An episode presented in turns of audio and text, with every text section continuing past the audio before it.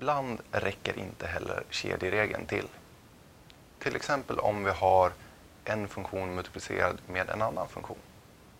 Vi kan uttrycka det som om vi har två funktioner, u av x och v av x. Och tillsammans när jag multiplicerar dem, då får jag den funktion som jag vill ha, f av x. Då finns det en regel som kallas för produktregeln. För det jag faktiskt får när jag multiplicerar två tal, det är en produkt. Produktregeln säger att det är helt okej okay att ha dem så här och titta när de deriveras om jag tittar på dem var och en för sig.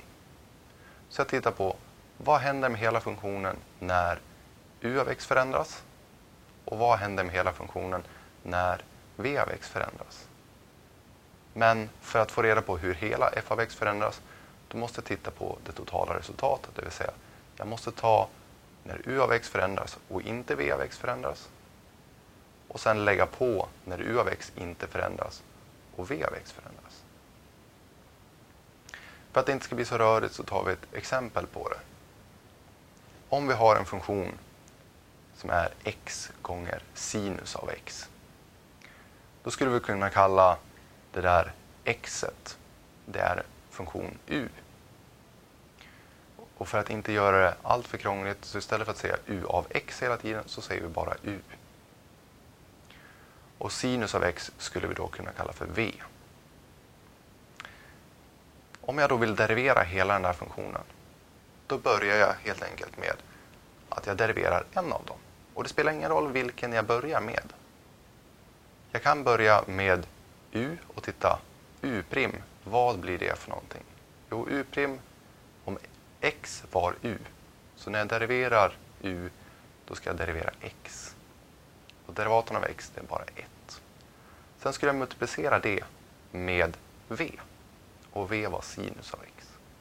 Då kommer det stå 1 gånger sinus av x. Men jag är inte färdig där, för nu har jag bara tittat på den ena halvan. Och jag måste titta på vad händer med funktionen när sinus av x, när det är den som förändras.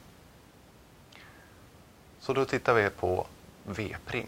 Och när jag deriverar sinus, då får jag kosinus. Så jag ska multiplicera kosinus av x med x, eftersom det var u som inte skulle förändras nu.